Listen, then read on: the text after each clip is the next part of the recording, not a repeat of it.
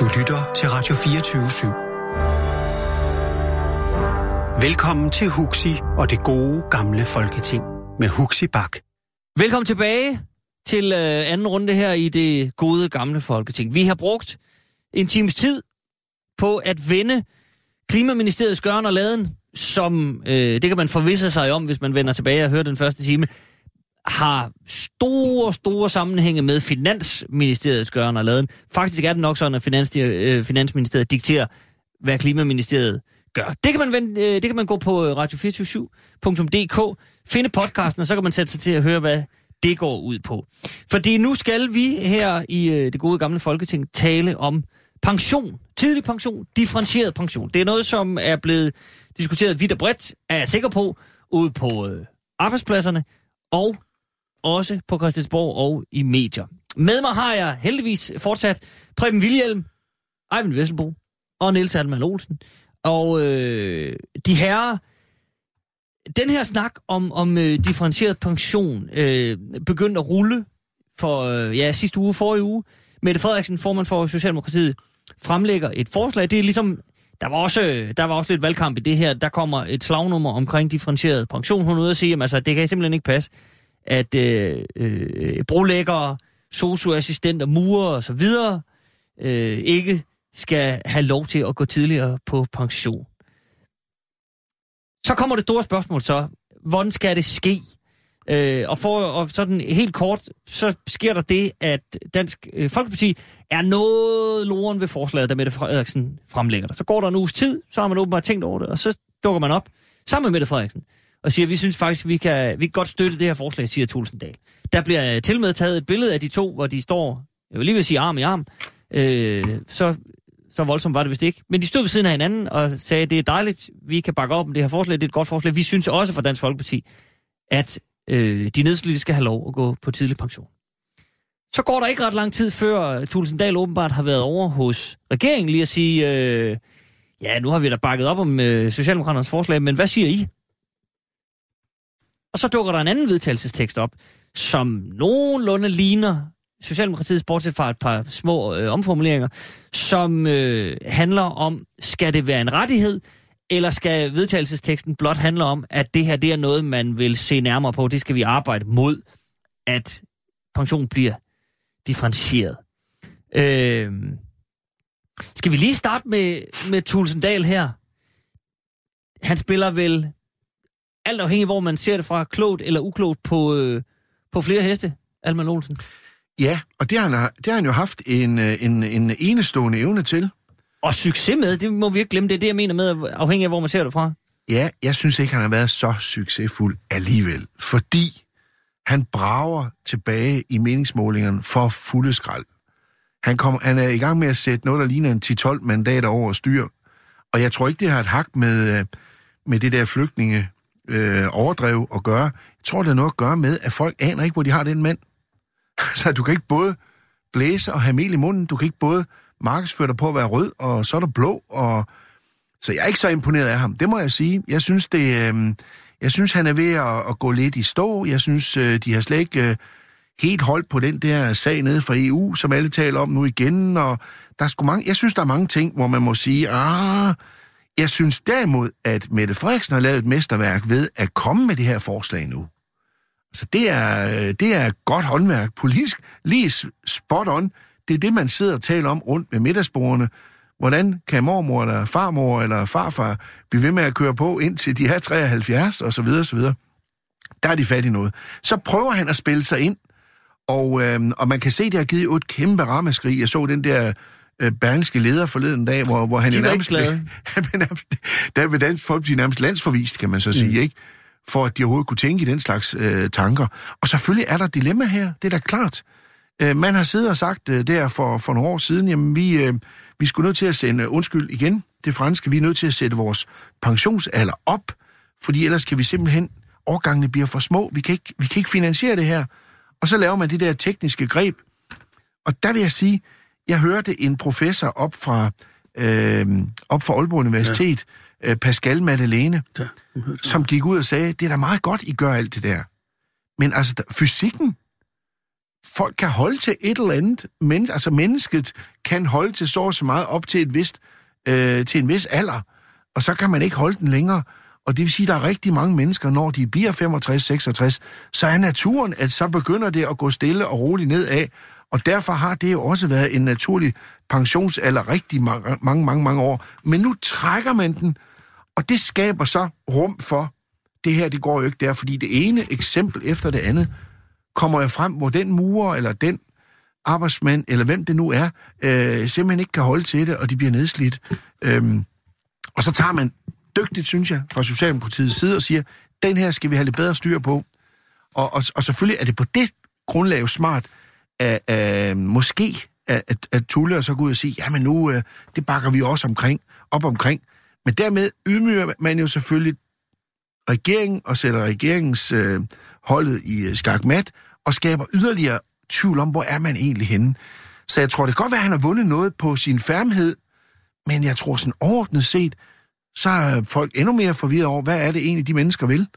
Og så giver det jo virkelig underlægningsmusik til, at så kommer, jeg siger, nogle af, af, af, af brølehoderne, så kommer ny borgerlige og vores kollega her fra Radio 24 øhm, Claus Rieskær Petersen og andre med de kloge, friske løsninger, de vælter jo frem, det er jo klart.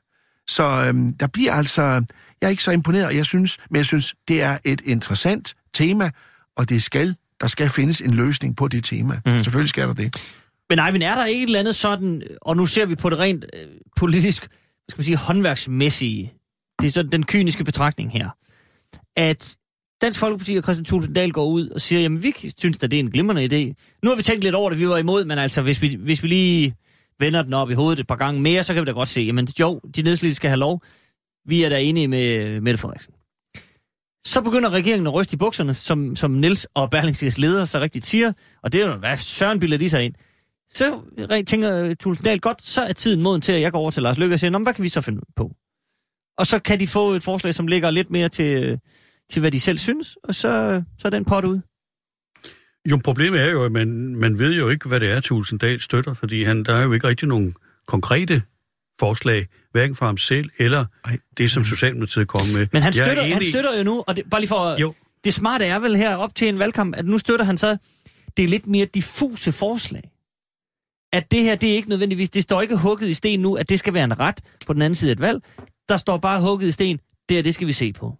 Jo, og derfor hvad er det da så rigtigt, som Niels siger, at det Mette Frederiksen gjorde, det var jo smart. Hun fik sat ja. en ny dagsorden frem til folketingsvalget, og det her er et meget, meget øh, et forslag, som har stor, stor interesse i befolkningen, fordi jeg tror, der er en meget stor del af befolkningen, som siger, jamen det, vi vil da gerne gå lidt tidligere på pension, end det, der er lagt op til.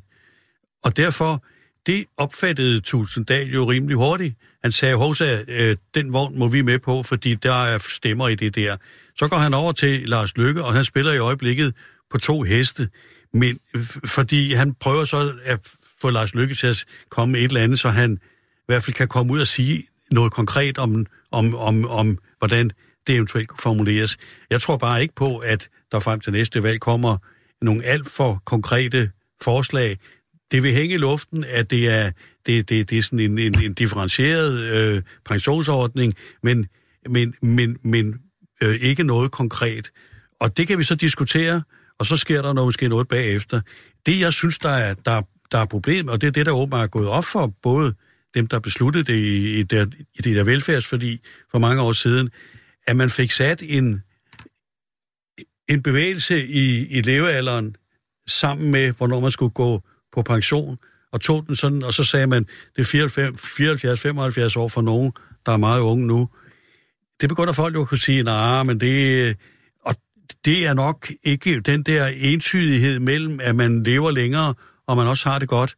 Der synes jeg, jeg så også den der øh, professor fra Aalborg, som jo klart sagde, jamen altså det, at du lever længere, behøver ikke betyde, at du ikke, øh, at du ikke har ondt i ryggen eller er nedslidt, mm. når du bliver 70. Så mit udgangspunkt for det her, det er at sige, det kan være, at man dengang, man lavede det velfærdsforlig, satte udviklingen øh, for, for, at man kunne gå på folkepension alt, alt for højt. Og det, man skulle nå frem til, det var, at man også skulle tage hensyn til, hvordan har folk det sådan fysisk. Øh, f- fordi der er ikke en entydig forbindelse mellem det at have det godt, og så en, en forlænget levealder. Mm. Nej, og, og, og, og bare lige for at øh, pinde den helt ud. Velfærdsforliget fra 2006 2006. går groft sagt ud på, bare lige for at forsimple det en lille smule, at, at i takt med, at vi bliver ældre, ja. Så skal pensionsalderen også flytte sig, så stillet helt øh, på spidsen. Hvis vi bliver 200 år gamle, så skal vi øh, først på pension, når vi er øh, 165. Lige netop. Altså, og der ja. er det så, at denne forsker siger, at det er ikke ja. Ja. sikkert, at når vi så er Præcis. 165, at vi kan stavre rundt mere. Nej, og det er, jo sådan, det er jo egentlig rimelig øh, øh, klart, når man tænker, tænker igennem, fordi det er så nemt at sige, når vi lever længere, så kan vi også arbejde længere. Men, men der sker jo altså noget med mennesker, mm-hmm. når de bliver ældre, og derfor kan man altså ikke kravle rundt på et stilas, når man er 72, mm. nødvendigvis, Nej. øh, og lave svært arbejde. Prøv William, bare lige, øh, øh, så går vi ned i øh, substansen her, men, men lige øh, dit besøg omkring øh, de mange heste, der er i spil her. Altså spillet der, det synes jeg er uoverskueligt, og det gider jeg ikke rigtigt. Men jeg synes, vi har et, vi har et reelt problem. Nemlig, at gennemsnitsalderen stiger med to og et halvt år for hver 10 år. Det er fandme meget. Ja. Altså, det er utrolig meget. Jeg har lige den her dødelighedstavle, jeg slog op i går, ikke?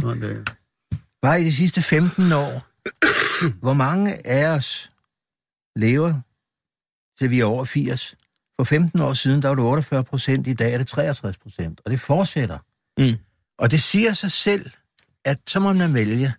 Altså, jeg er matematiker og fysiker, jeg skal have pengene til at gå op, simpelthen. Ikke? Enderne skal mødes, og det, du kan ikke tage noget ud af den blå luft. Hvis ikke vi vil sige, at så skal arbejdstiden være flere år, fordi det er stadigvæk en mindre del af ens levetid, så må vi sige, at så skal vi tynde den indtægt ud over livet. Og hvis vi gør det, så skal vi altså have skatterne op på 70 procent, måske, ikke? Hvis vi vil have, at vi kun arbejder til vi er 65, og så i øvrigt skal forsørge os af de andre, og det vi selv har sparet op til staten, ja, så skal skatterne altså ganske, ganske betydeligt hæves. Og det er ligegyldigt, om det er et kapitalistisk samfund, eller det er folkesocialistisk, eller hvad fanden det er for et samfund, så skal de der penge altså gå op på en eller anden måde. Vi kan ikke vi kan ikke have, øh, skal man sige, en gennemsnit 35 års pensionstid alle sammen, uden at det skal tages fra det, vi lavede, da vi var i aktiv tjeneste, om jeg så må sige. Ikke? Det her har været et problem i alle årene, at så er der nogen, der er nedslidte. Og så står valget, og det er det helt store principielle valg. Skal det så være en individuel bedømmelse af, hvor nedslidt man er, eller skal det være en rettighed? Det er, øh, Frederiksen kommer med, det er jo stort set det gamle SID-forslag, bortset fra, at hun ikke konkretiserer. Det er jo mange, mange år siden, at SID, og også før den der velfærdsreform i 2006, sagde, der er jo nogle af vores folk, der er nedslidte, og det er helt urimeligt, og vi har ingen pensionstid. Vi dør, før vi får den der pension, som vi har været lige så gode til at spare op til, som alle de andre. Men dem op med de lettere erhverv der, øh, de nyder den i 20 år, og, og vores, de nyder den gennemsnit i to år. Det kan ikke være rimeligt. Og så havde SID det forslag, det var det gamle FTF, eller 3F, ikke FTF, 3F, øh, de havde det forslag, at alle var berettiget til folkepension, når de havde været 40 år på arbejdsmarkedet. Mm. Og så skal man ikke individuelt bedømmes og gennem den der nedværdigende proces, og hvor vi ved, at man vil blive så tilbageholdende med at bevilge den der tidligere pension, ikke? Så prøvede man at klare noget med en efterløn. Det fungerede jo ganske glimrende, Svend Aukens efterløn. Den klarede mange af de her problemer, og derfor var der stillhed om det i mange år, fordi efterlønnen klarede det, ikke? Men så sker der det, som der altid sker. Der er jo altså nogle stykker, der går hen og misbruger den. Der er smilende, solbrændte overlæger, der bliver ladet sig fotografere ud på en golfbane ja, ja, ja, og siger, jeg er godt ja. kun 60, ikke? Jeg kunne da godt have fortsat til 15 år mere, ikke? Men jeg nu kan tage efterløn og spare på min egen opsparede pension, så gør jeg det, det ikke? Og dem går journalisterne efter. Når du har fem af de historier i løbet af et halvt år, så er efterlønnen død og borte, ikke? Det var så ærgerligt, men det var sådan, det skete. Desværre, og det vil ske igen. Og derfor, det store valg står mellem, skal det være en rettighed, og hvor skal den så gå? Skal den gå efter en bestemt tid på arbejdsmarkedet, eller hvor skal den? Eller skal vi igennem de der ydmygende individuelle bedømmelser, om du er berettiget til en særlig Visitation, pension? ja. Også kaldet, ja. Men der er et reelt problem. Ja. Det er der sgu. Og jeg vil, jeg vil bestride hende der fra, fra Aalborg. Jeg mener heller ikke, hun sagde det så kategorisk. Det er ikke alle, der har en bedre fysik, fordi de bliver ældre, end de blev deres... Øh, men mange af os har det altså. Jeg kan da se på... Øh, jeg er den der, der er passeret de 80, ikke? Jeg øh, kender mange, der er oppe i den der alder. Med en helt anden førlighed, end dem, jeg kan huske, der var 80. Der var ikke ret mange af dem, da jeg var barn. Men de var fandme skrøbelige. Altså det, må jeg sige. Der er virkelig sket noget. Vi har et bedre liv, og mange af os er sluppet heldigere fra det. Men der er stadigvæk nogen, der har haft det tungt. De er nedslidte. Mhm. Og derfor må man have løst det der problem enten med en rettighed, men vi kan ikke bare sige, og det der var helt åndssvagt ved den der reform med pensionen der i 2006, nu viste det sig at være meget heldig, fordi krisen kom lige året efter, det var, at man startede, for at gøre den spiselig, så startede man med at nedsætte pensionsalderen fra 67 til 65. Ja, det er rigtigt. Og så skulle den ellers trappes op og trappes op. Nu er det så heldigt, at man nedsatte den. Der kom færre på arbejde. Ellers havde, ellers havde arbejdsløsheden under krisen været cirka 100-100.000 større, end den blev. Ikke? Men det var det rene held, det vidste man jo ikke noget om. Men det var for at gøre den spiselig, så starter man med at sige, ej, nu får jeg, nu får I lige her gulderåden. Vi nedsætter den fra 67 til 65. Men så skal den ellers stige. Ikke så hurtigt som, som middellevetiden, men dog nogenlunde i den sagt, så vi hele tiden er den samme andel af vores liv på arbejdsmarkedet. Det var det, der var filosofien. Og hvis man har regnestykker til at gå op, så er det sådan, man må tænke. Eller også må man tænke, ja, så må der altså betales meget højere skat i de få, relativt få år, vi er på arbejdsmarkedet, for at vi kan dække de pensioner til alle dem, der lever længe. Mm-hmm. Jo, Ej, men, men til det du siger, der, der er jo ligesom en forkert præmis, hvis, fordi, fordi at antallet af folk bliver 80 år eller over 80 år, at det stiger. Det betyder jo ikke, at alle af de der, der, der bliver over 80, eller over 70, må vi sige, at de vil på folkepension. Jeg kender mange, mange, der er over 70, som meget gerne vil arbejde. Jeg kender også nogle i slutningen af 60'erne, som i hvert fald tidligere meget gerne vil fortsætte med at arbejde, og de kunne også godt. Så jeg synes, man skal finde ud af, jamen, hvor stort er problemet med, de her, med den her neds, nedslidning, og hvor mange vil gerne fortsætte med at arbejde, samtidig med den økonomi, som det er meget relevant selvfølgelig, men der er jo nogle helt andre pensionsordninger i dagens Danmark, end der var for, for 20-25 år siden. Der, der er jo, de fleste mennesker har efterhånden en pension, sådan så øh, den offentlige udgift Ja, og ved du hvad? er blevet mindre. Lige, og den vil blive mindre. lige præcis de nedslidte er dem, der har mindst pension Ja, ved siden af. Men det er jo også derfor, man skal det sørge værre. for, at, at de har en mulighed for at kunne på, komme, ja. komme på pension. Og derfor er jeg enig i, at det bør være en, en, en, en rettighed. Fordi det, som forløbet er kommet frem, det er jo, at hvis man, hvis man bruger den trap, det trappetrin, som, som ligger i, at man, man kan komme på pension, når, eller man, man først kan komme på pension, når man er 4-75 år. Mette Frederiksens forslag, det har jeg regnet ud, det, det, er der, det er der også andre, der har, at så kan man måske komme på pension to år før, hvis man er nedslidt. Altså så er man 72. Men det kan da godt være, at man har et problem, som er rigtig nedslidt, at så er det altså ikke 72 år, at man skal have rettigheden, men så er det tidligere. Ja, men og så er der jo den her... Øh, man opererer jo også med 40 år, så hvis du startede jo. tidligere, så skal du ikke, bliver du ikke nødvendigvis øh, 72. Nej, netop. altså, så, så kan du ligesom komme... Ja, netop, men derfor skal man også have den rettighed. Mhm. Og, og derfor er jeg, jeg er enig i, at jeg har set meget på socialområdet, hvordan der kan nogen gå ind og vurdere, hvem der skal have den ene og den anden og tredje ydelse. Og der tror jeg, at det at give en rettighed, slipper vi for alle de der, som sidder ved skrankerne og øh, beslutter, hvem der ikke kan få. Alman Olsen? Jamen, jeg synes, der er mange af de ting, som kollegaerne her taler om, som jeg, som jeg jo er, er enig i, men jeg vil godt tilføje. Det ordnede billede er, at der er brug for en differentiering af en eller anden slags. Ja, det er klart. Mm, ja. Og jeg tror, vi alle sammen kan huske, vores bedsteforældre, de var virkelig, virkelig, virkelig gamle, gamle, gamle, gamle, og ikke, kunne, kunne ikke så meget, som, som, som vi selv kan nu, når vi er oppe i alderen. Øhm, men der er brug for en eller anden individuel øh, vurdering, eller en eller anden differentiering, fordi der vil være nogen, som vil kunne styrte derud af, øh, indtil de øh, er 80, 85. Altså, der er nogen, der vil kunne øh, passe deres job øh, meget længe, og så er der nogen, der er, øh, kan vi sige, dårligt stillet, og de skal så, øh, dem skal der tages hånd om.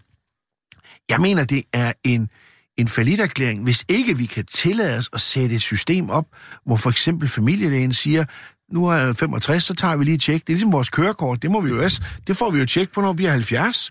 Så må du ikke have kørekort længere. Så skal du lige op til lægen og sige, hvad øh, kan du både se og høre og så videre. Ja, ja. Det er afskaffet. Så får du... Jeg skulle lige øh, det- det er ikke det. Lige, den- lige den der del af Det er fordi, jeg nærmer mig måske.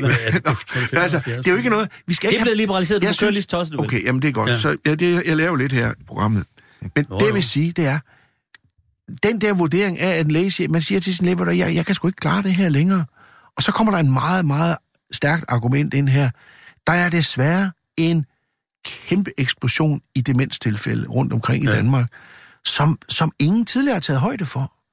Der er så en eller anden grund, er der en bølge af demens, som rammer mange, mange, mange, mange, mange, mange mennesker.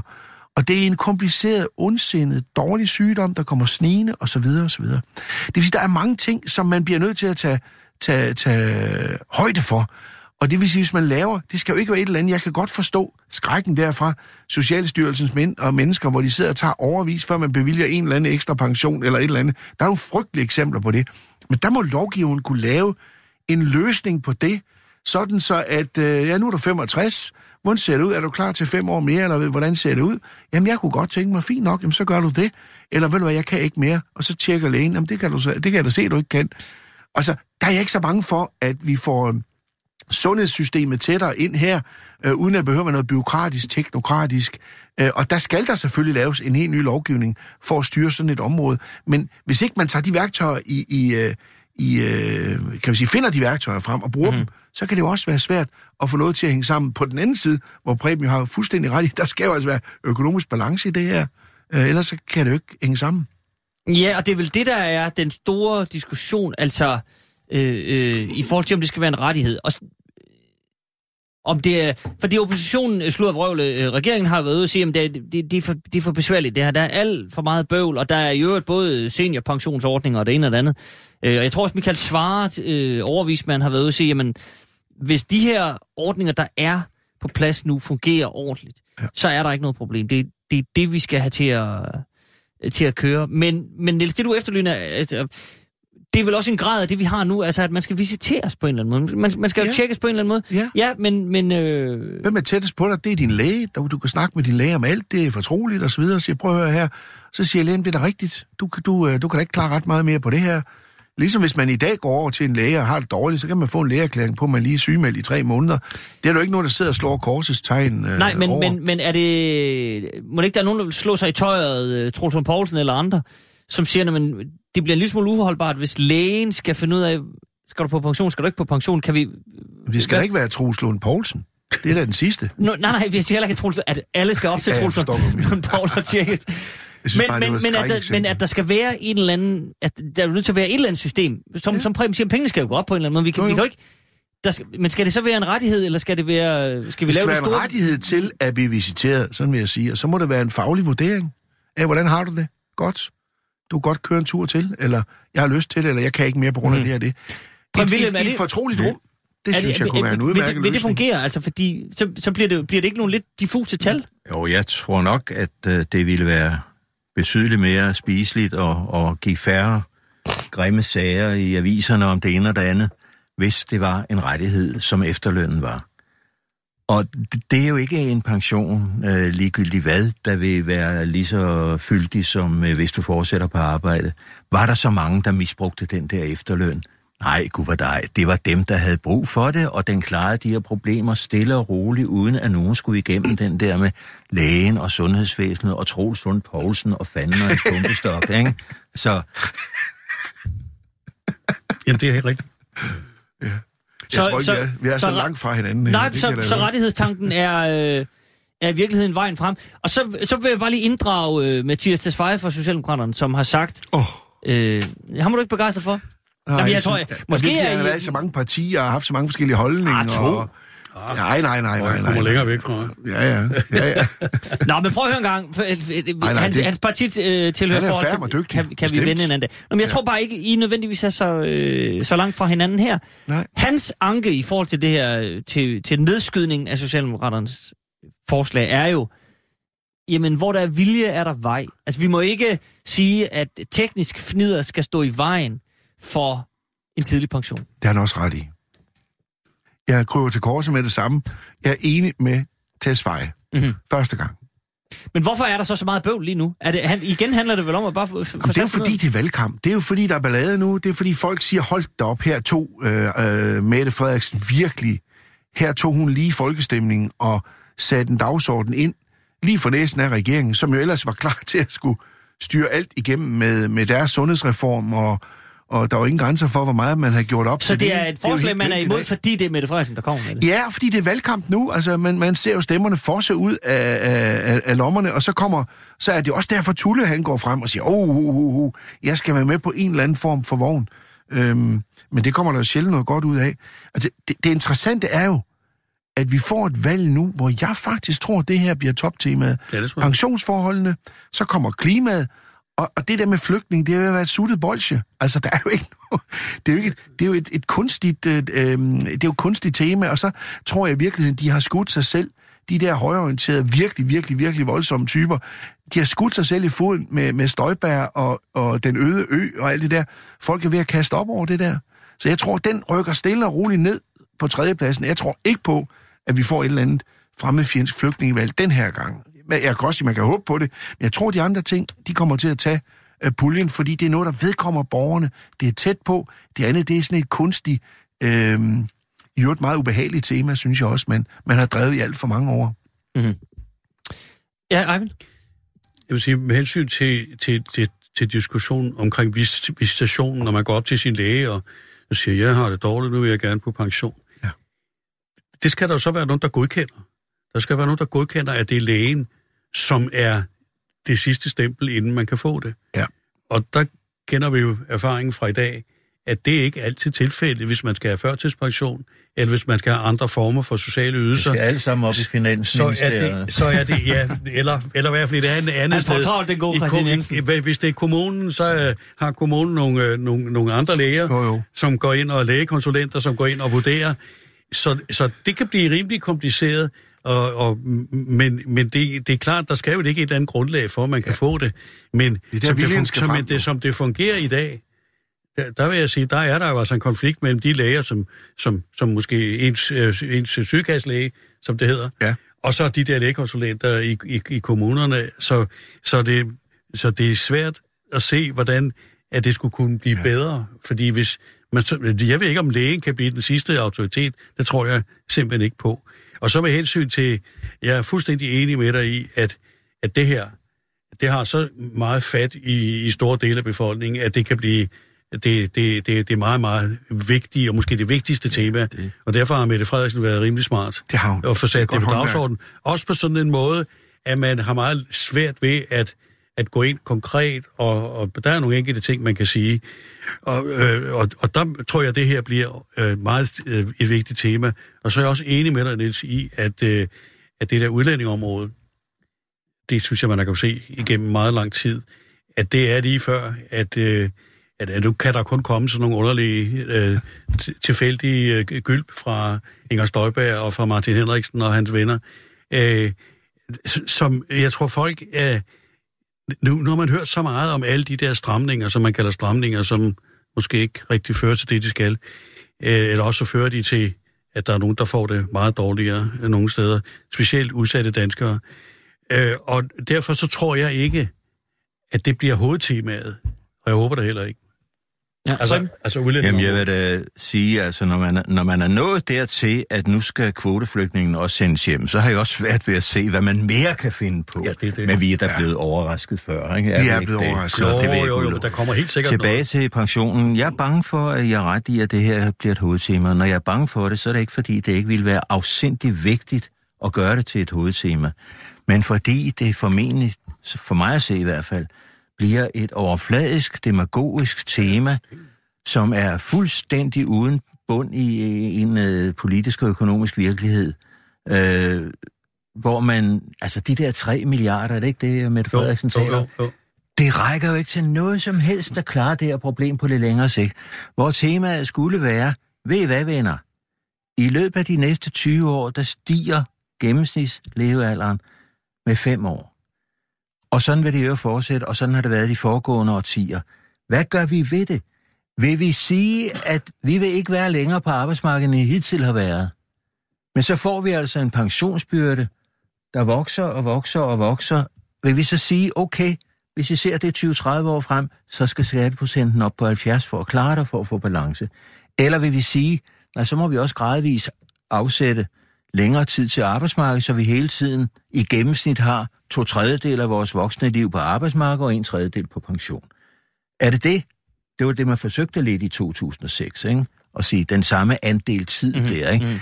Men der er jo ingen, der diskuterer det sådan her nu. Der er jo ingen, der har taget udgangspunkt i det her, at vi har det problem med, at vi lever længere og længere, og hvem skal, hvem skal betale vores pensioner, hvis vi ikke selv har sparet op til dem Så i Preben kraft af William, større skat?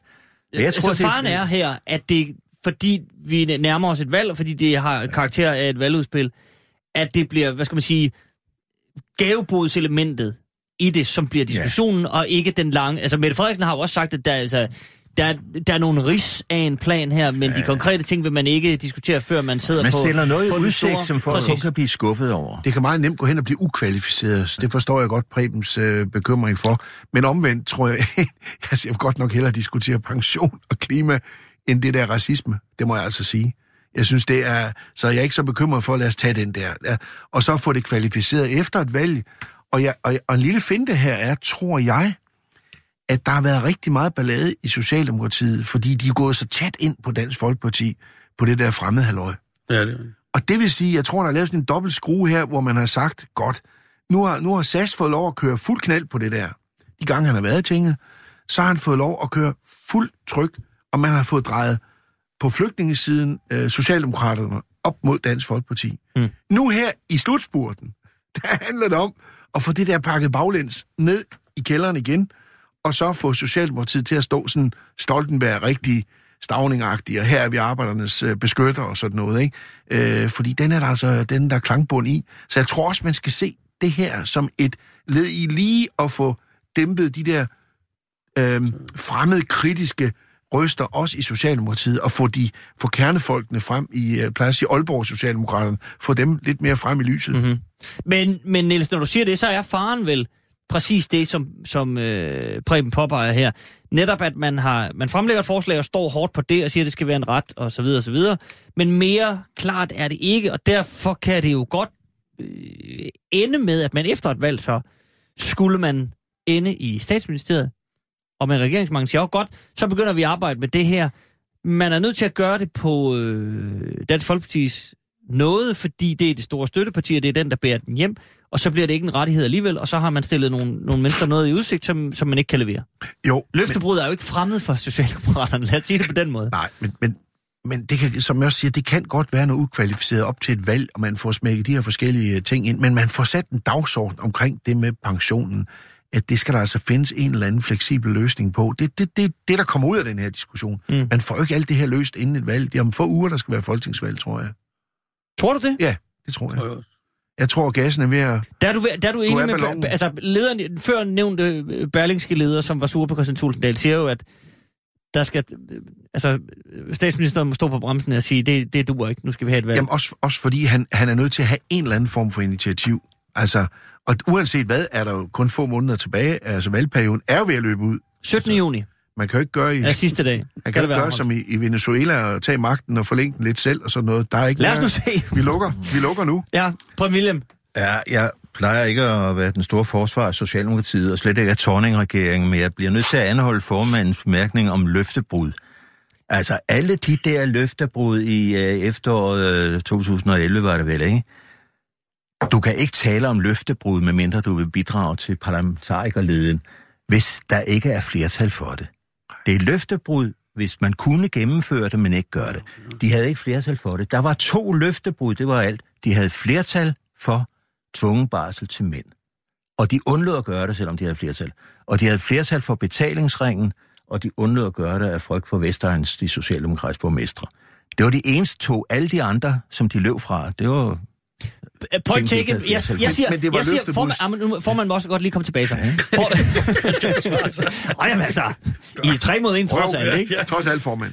Nej, men formanden vil bare sige så, at, at øh, det handlede også om, hvad skal man sige, den fortælling, der så lå efter valget. Altså, og jeg, jeg er med på, at der var to konkrete løftebrud, og så var der en masse andet, hvor de trods alt selv var ude og sige, "Nå, men altså, vi har, den fik vi serveret forkert, og så blev der malet billeder af løftebrud.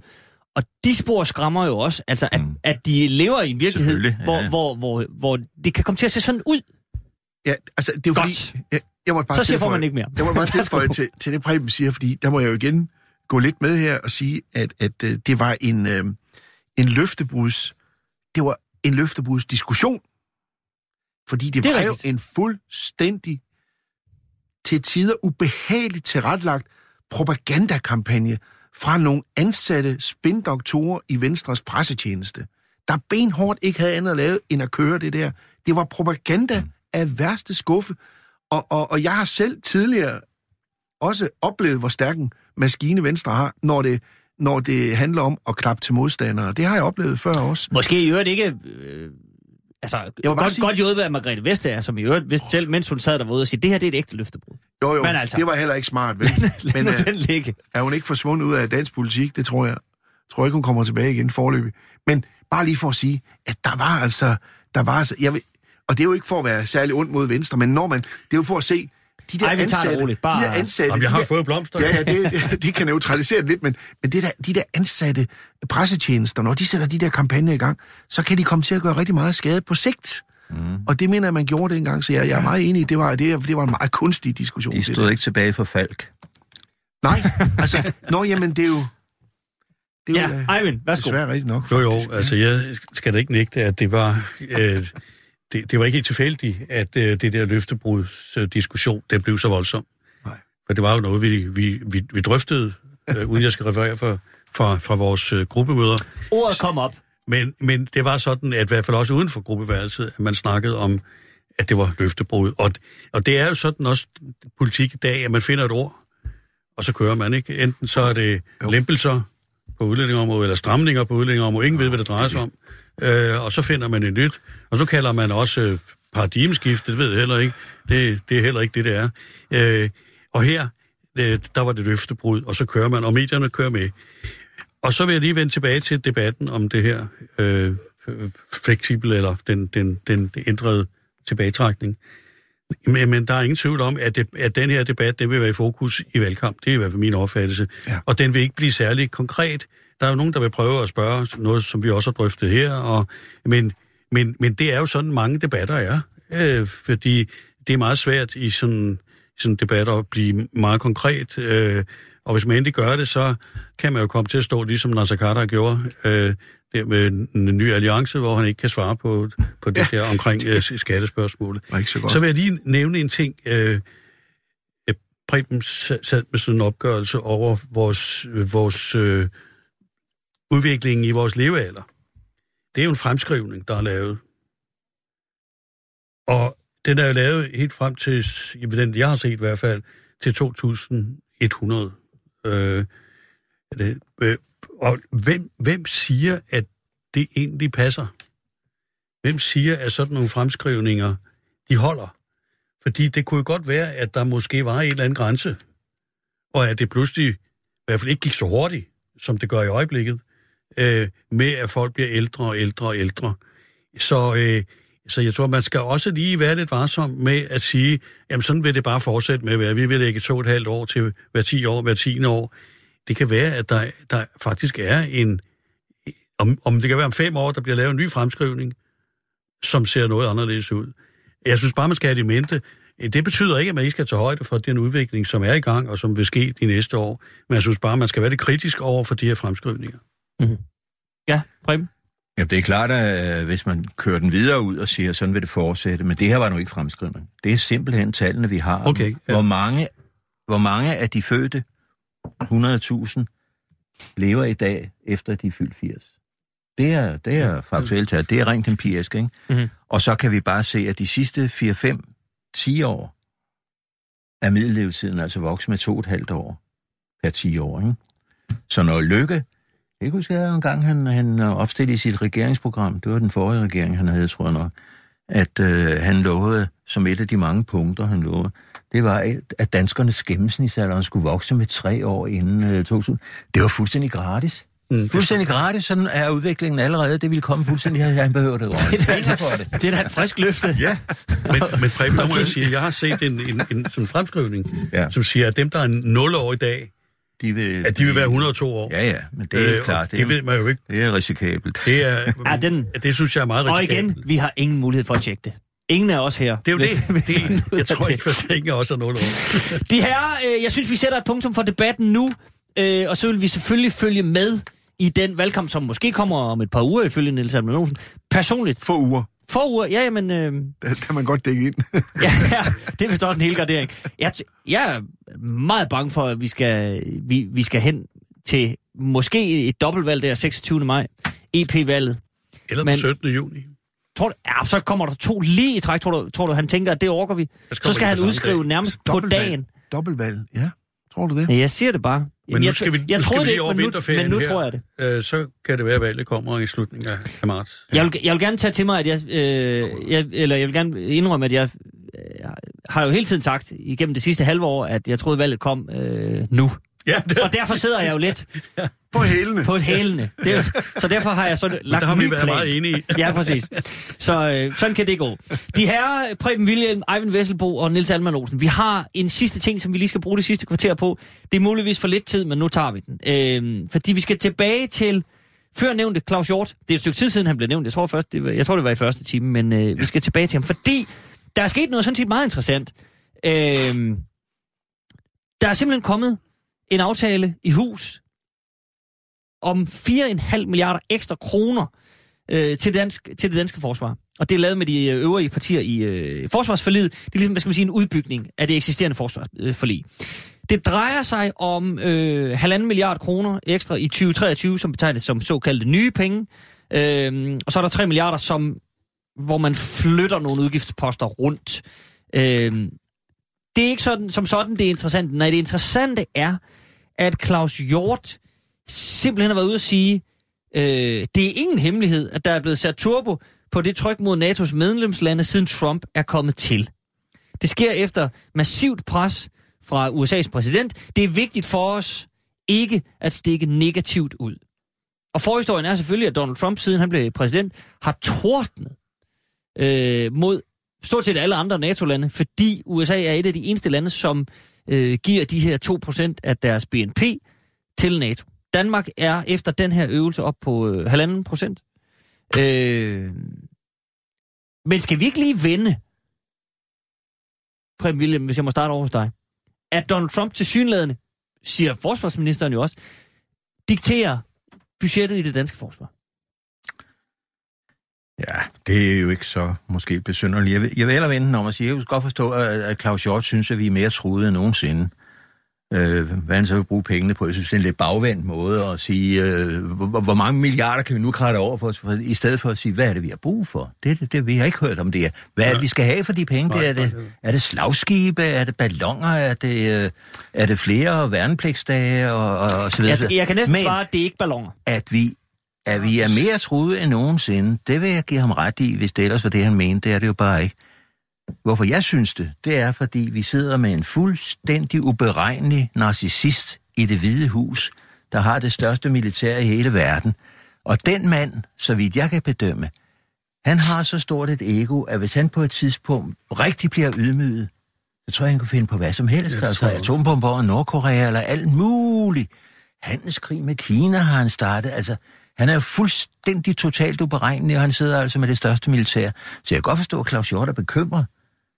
Men det er altså andre ting, han er bekymret for. Jeg synes, det er bagvendt, at man begynder at tale om 4,5 milliarder, har vi brug for. Det er jo et løgn, ikke? Han har hentet de tre ved at sige, nu tæller vi også øh, soldaternes øh, folkepension med i beløbene, og jeg ved ikke, hvad han tæller med. Det er kun halvanden, der er nye penge. Men, det er også. Men, men hvorfor starter man med det der beløb? Hvor, hvorfor hører vi ikke noget om, hvad er det, han har brug for? Er det, er det op på Nordkalotten, at vi skal opruste for at forsvare vores Nå, men interesser? Er det, det kan jeg da godt sådan nogenlunde svare dig på. Det er jo, som han siger, det er, fordi vi skal ikke stikke negativt ud. Der er et... Øh, Ja, det er jo ikke noget, vi har brug for. Det, Nej, det, det er rigtigt, men han skal, jo til, han skal jo til et møde i NATO igen. Ja, ja. Der vil den førnævnte øh, mand fra USA stå og råbe igen, og så vil øh, Claus Hjort ikke Jamen, se, det er se tosset lille ud. siger. kan- Det er i hvert fald symbol, ikke? Det er jo ikke konkret. Det er jo ikke, hvad er det, du vil have for de penge der? Hvor er det, vi har brug for dem? Mm. Hvad er det, vi mangler? Er der nogen, der siger, at de vil godt have flere øh, af de der nye fly, end, end dem, vi har forpligtet os til forløb, ikke? Og der er andre, der siger, at vi gør det smadret godt ude omkring i verden, og vi har de bedste soldater ude. Hvad er det, han vil med de der penge? Jeg synes, det er en utrolig bagvendt måde. Jeg kan ikke forestille mig noget andet sted. Danmarks Radio, Folkeskolen, det kongelige teater, hvad som helst, hospitalerne, hvor man ville sige, de har brug for 4,5 milliarder. Uden at sige, hvad er det, vi mangler der? Hvad er det, vi gerne vil opruste her, ikke? Altså, så han skal bare opfylde Trumps ønske om, at det stiger, og han skal mindst op på de 1,5 procent, fordi det er Tyskland kommet. Og mm. der, du har ret i, det er det, han begrunder det med, men det er jo fuldstændig bagvendt. Eivind?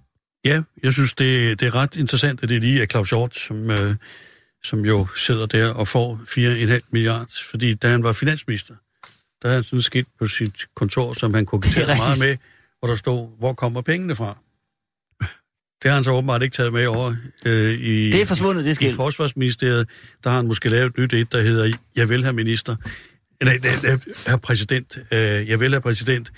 Fordi det er jo rigtigt, som Preben siger, hvad, hvad er de der 4,5 milliarder... Øh, hvis man har for eksempel foreslået 4,5 milliarder til kulturområdet, til udsatte området, til klimaområdet, mm. så ville alle komme farne og sige, hvordan finansierer du det? Det gør man så også lidt her, men slet ikke på samme måde.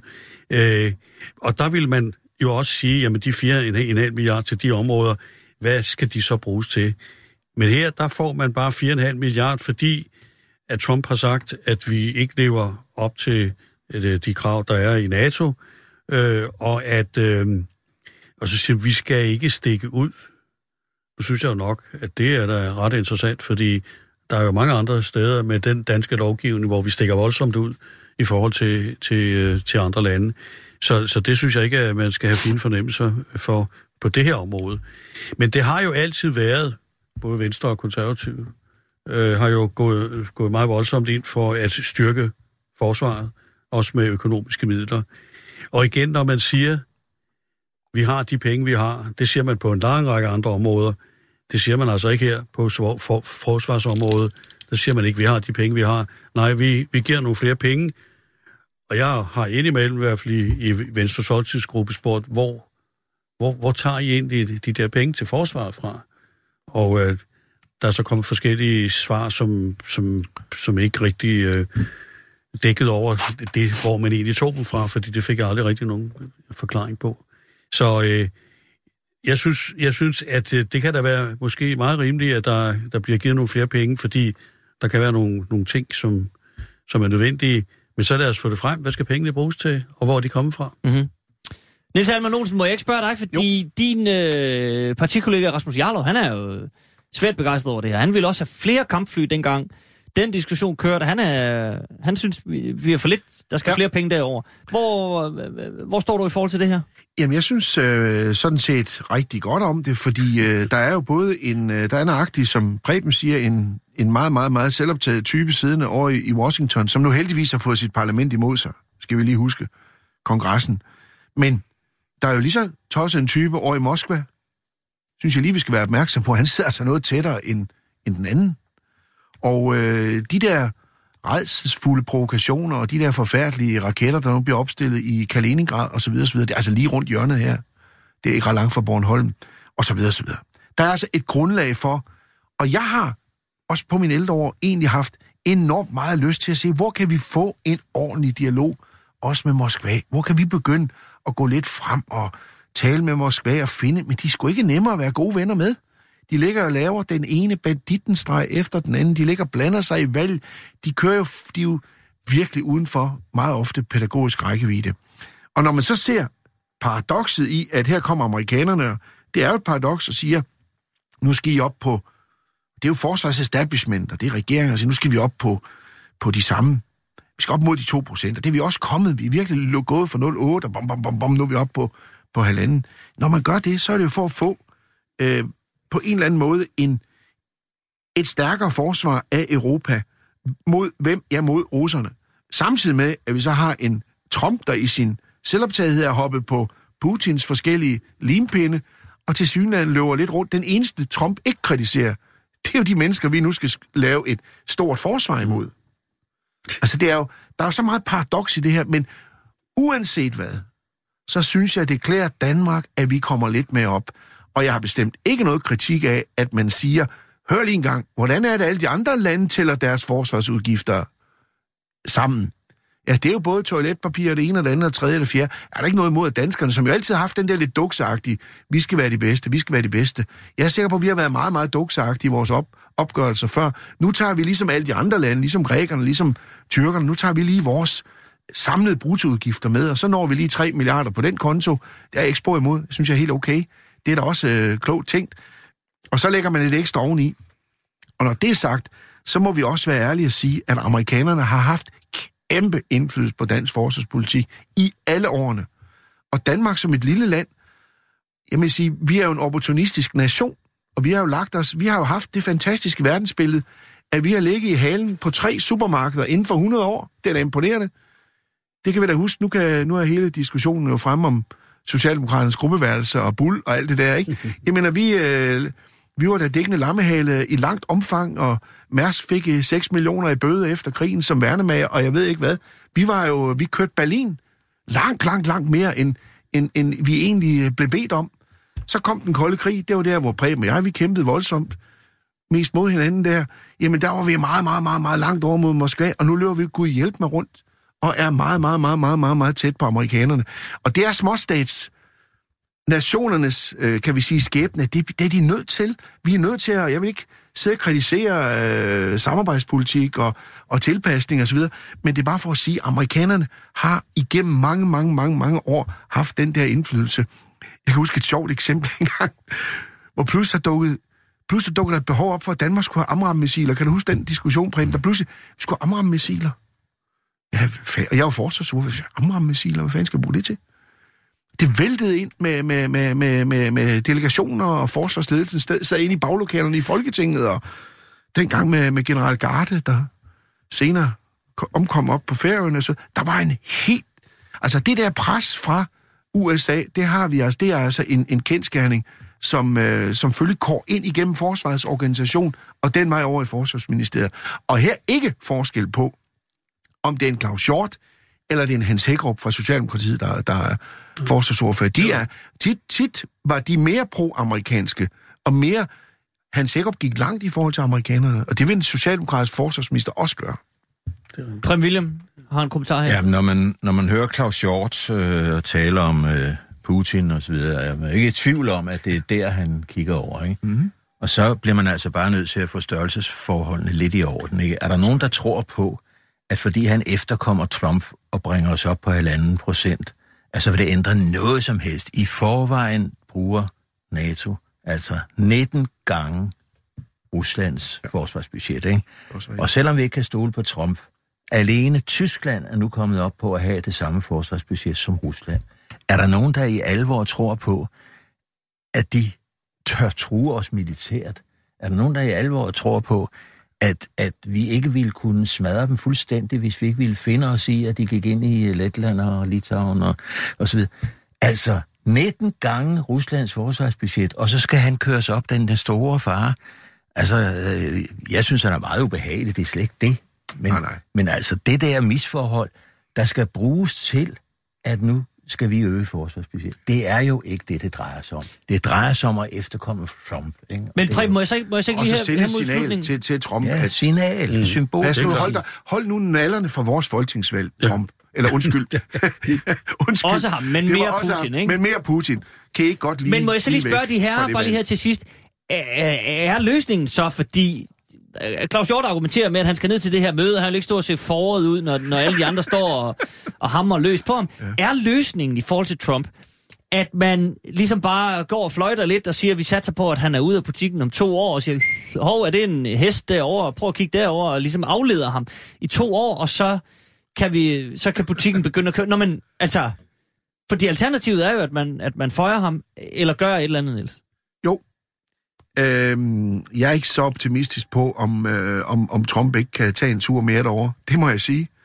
Øh, det Nej, nej, men nu, nu, ser vi, nu kigger vi bare lige Altså, to år frem og siger... Jo, jo, der kan godt være lidt afledning, halvandet. lidt afledning, men, men jeg tror, vi kommer til at vende os til, øh, til Trump. Det er jeg bange for.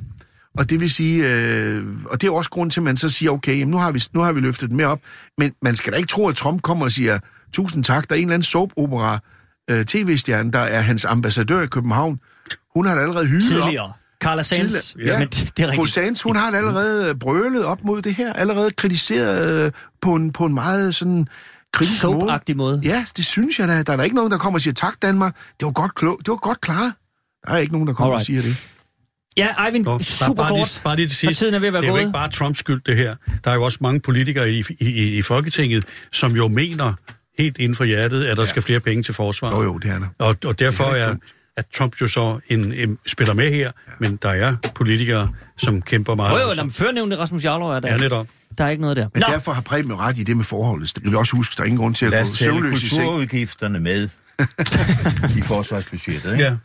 Det er sgu da der, vi forsvarer vores kultur Ja, ja, ja, og vores ja. identitet og så videre. Ikke? Det er der ikke så mange, Forsvars- der og kulturminister Mette Bock, de har jo en, mange, en evne til at at sammensætte er festlige ministerier. De herrer, tiden er gået. Tusind tak, Niels Hanman Olsen. Tusind tak, Eivind Vesselbo. Og tusind tak, Preben William. Vi ses en anden god gang. Tilbage er der blot for øh, os her at sige øh, tak for i dag. Vi overlader øh, mikrofonen til Kisser Rasmus. Og tak for i dag. Nu er der er nyheder.